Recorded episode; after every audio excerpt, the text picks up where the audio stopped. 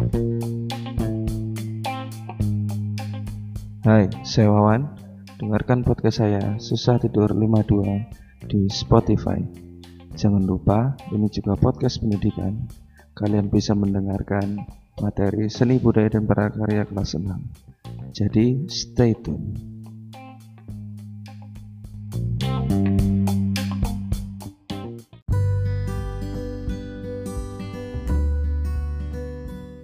Oke, kembali lagi ke podcast saya. Eh, Susah tidur 52 ya. Kali ini kita tidak akan membicarakan tentang pelajaran ya. Kita nggak akan ngomongin pelajaran. Kita akan ngomongin hal yang penting eh, saat kita nyanyi atau saat kita membawakan lagu di depan umum. Yang kadangan hal ini sering kali dilupakan. Aduh untuk dibahas gitu ya. Kita bicaranya pasti teknik vokal lagi, teknik vokal lagi, improvisasi lagi dan lain sebagainya. Kita nonton di Indonesian Idol, kita lihat orang bernyanyi luar biasa. Wah, suaranya bagus ya. Tekniknya oke, okay. nafasnya oke, okay. orangnya cakep gitu ya. Wah, suaranya folk banget. Suaranya indie banget, suaranya rocker banget mungkin atau jazzy banget ya. Yaitu merupakan apa ya instrumen dasar kita bernyanyi ya seperti kemarin. Kalau di pelajaran bilangnya kita suara ya suara dan alat pernapasan itu modal utama. Oke kali ini tidak kita tidak akan membahas pita suara. Yang mau saya omongin di sini adalah mikrofon. Oke mikrofon. Kalau kita bernyanyi eh, di acara hajatan sampai di kafe sampai di festival itu kita selalu menggunakan mikrofon ya mikrofonnya macam-macam ya. Kadangkala kita cuma pakai mikrofon yang ada di panggungnya disediainya apa ya itu yang dipakai ya. Langsung pakai-pakai aja lah apa yang ada di sana. Tapi tidak jarang juga kita melihat penyanyi-penyanyi atau orang-orang yang bernyanyi membawa mikrofon sendiri. Dari rumah bawa mikrofon sendiri bawa efeknya mixer dan lain sebagainya kenapa mereka melakukan itu ya? Apakah mikrofon itu berbeda-beda ya? Ya biasanya kalau seorang penyanyi baru mulai masuk ke yang profesional istilahnya itu akan terantuk terantuk. Bahasanya sangat buahku ini. Akan mendapatkan kendala ini gitu loh. Bertemu dengan mikrofon kemudian saya mau pakai mic yang mana ya? Masuk ke studio band micnya ada banyak banget mereknya macam-macam. Ada Sennheiser, Kretz ada AKG ada macam-macam terus. Wah yang mahal nih pasti yang bagus atau wah yang sensitif nih pasti yang bagus ada kecenderungan untuk berpikir ke arah situ ya jadi kalau secara umum yang namanya mikrofon itu yang diketahui banyak orang waduh so tahu saya Oke, mikrofon yang pertama yang sering diketahui orang itu dynam dynamic ya. Yang pertama itu dynamic microphone. Dynamic microphone ini dia sifatnya lebih kuat ya. Teknologinya sudah lama dibilangnya begitu sih kalau saya baca di beberapa situs teknologinya termasuk lama dan merupakan mikrofon yang tahan banting katanya. Nah, karena teknologinya lama, jadi dia eh, dianggap bukan dianggap ya memang ya kurang sensitif ya dalam eh, menerima suara. Ya, jadinya berbeda dengan lawannya yaitu kondenser yang dianggap atau memang lebih sensitif ya. E, mic dynamic ini banyak digunakan oleh penyanyi-penyanyi sampai sekarang. Jenis mic dynamic sering dipakai di mana-mana. Kenapa? Karena yang pertama sangat tahan banting, sangat kuat biasanya mic mic dynamic ini. Karena sederhana ya teknologinya teknologi lama sederhana. Ini saya dapatkan sebenarnya di audiostation.co.id ya. audiostation.co.id membaca-baca tentang uh, audio di situ ya. Saya juga belajar ini juga sharing pengalamannya. Jadi dynamic microphone ini uh, sering kali dipakai oleh band ya. terutama ya saya juga ngeband itu pakai band. Karena sifatnya yang uh, tidak terlalu sensitif.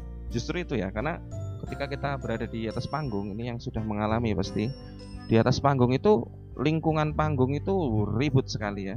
Sangat ribut ya lingkungan panggung itu ya kalau kita berada di tempat menonton itu orang tampil ya kelihatannya tampil-tampil aja. Asik-asik aja gitu loh kita nonton itu.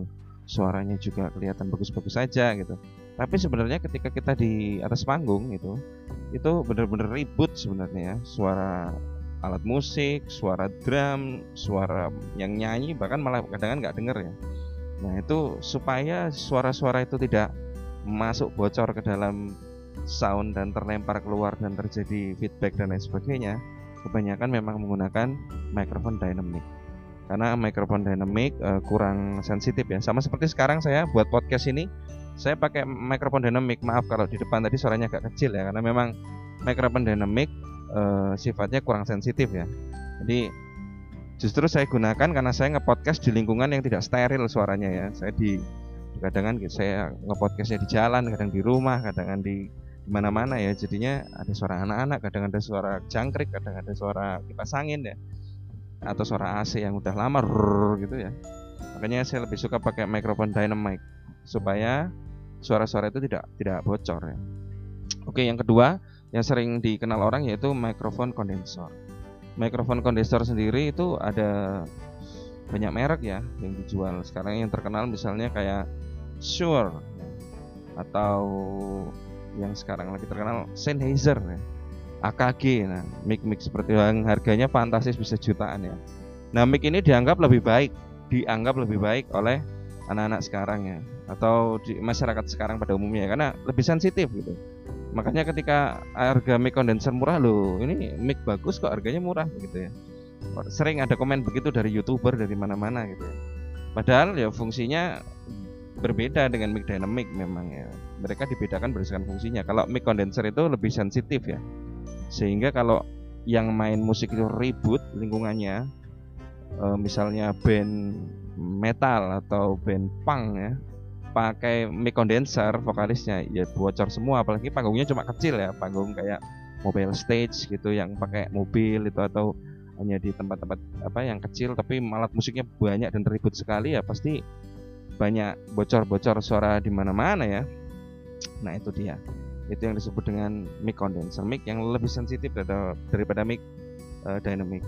Nah bedanya lagi kalau mic condenser ini dia butuh listrik tambahan. Biasanya di mixer itu ada phantom power ya. Ya phantom power itu gunanya untuk memberikan listrik tambahan ke mic kondensernya seperti itu mic kondenser ya terkenal digunakan sekarang sangat terkenal. Kenapa? Karena kebutuhan kayak podcast kayak kebanyakan orang menggunakan uh, membuat YouTube atau segala macam ya. Jadi menggunakan um, mic kondenser karena dianggap lebih sensitif. Misalnya ngobrol gitu ya.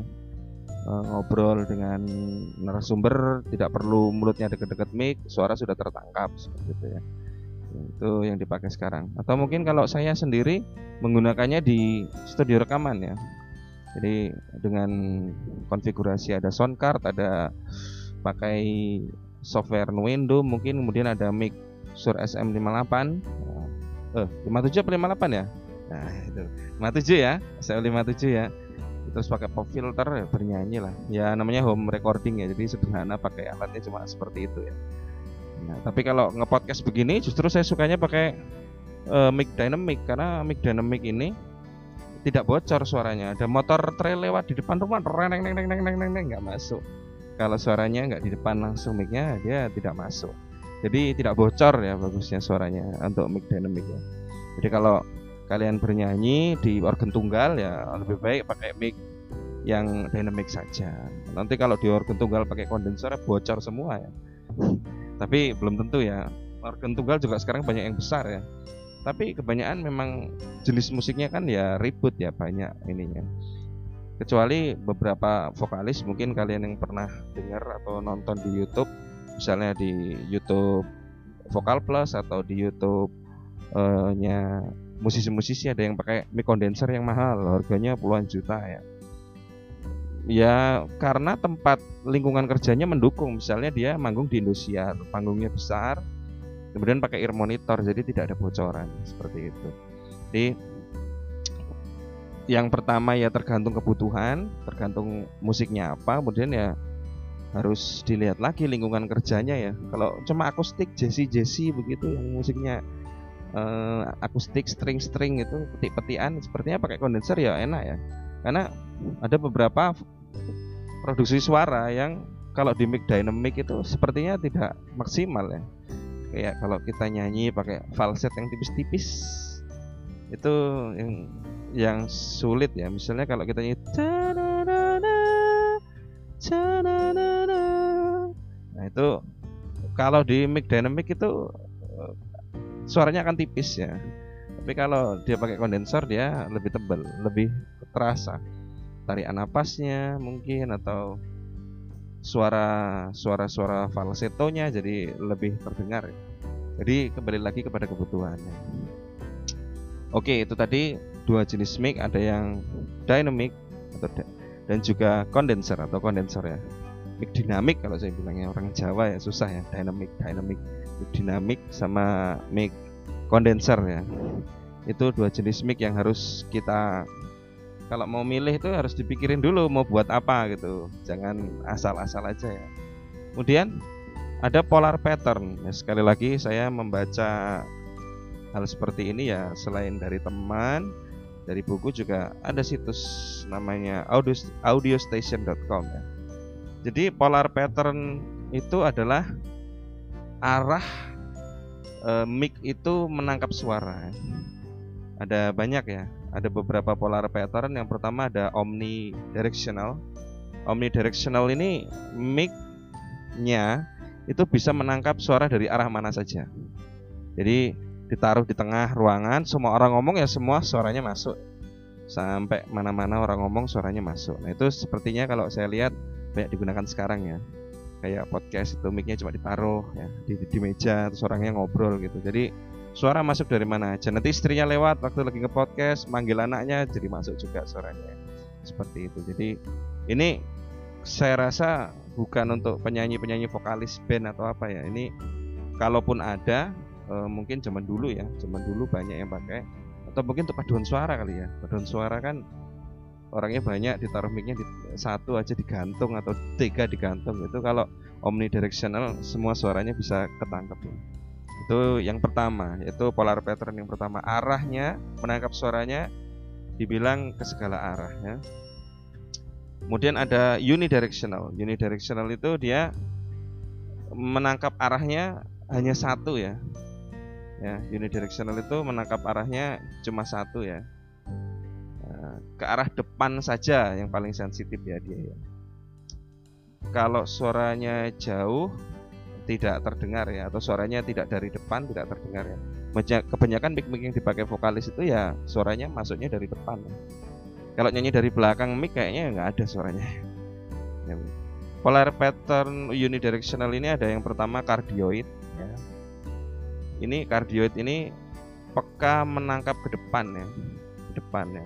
Dia sensitifnya ke depan, nggak ada bocoran sama sekali ke samping ke ke, ke belakang itu nggak ada bocorannya di sini dikatakan mencakup hingga ke sudut 131 derajat dengan sudut penolakan maksimum 180 derajat ke belakangnya ya berarti kalau 180 derajat ya. Dan kepekaan terhadap ambien 33% ambien ya, suara sekitar ya. Jadi tidak terlalu peka ya dengan suara sekitar ya. Jadi kalau bandnya terlalu ribut juga nggak ada masalah ya kalau pakai mic ini ya. Oke, itu yang pertama. Uh, kardioid. Kemudian ada uh, superkardioid. Ini lebih lebih rucut lagi ya, lebih peka ke depannya itu lebih ke depan lagi istilahnya. Dia 115 derajat ke depan. Tadi kan 131.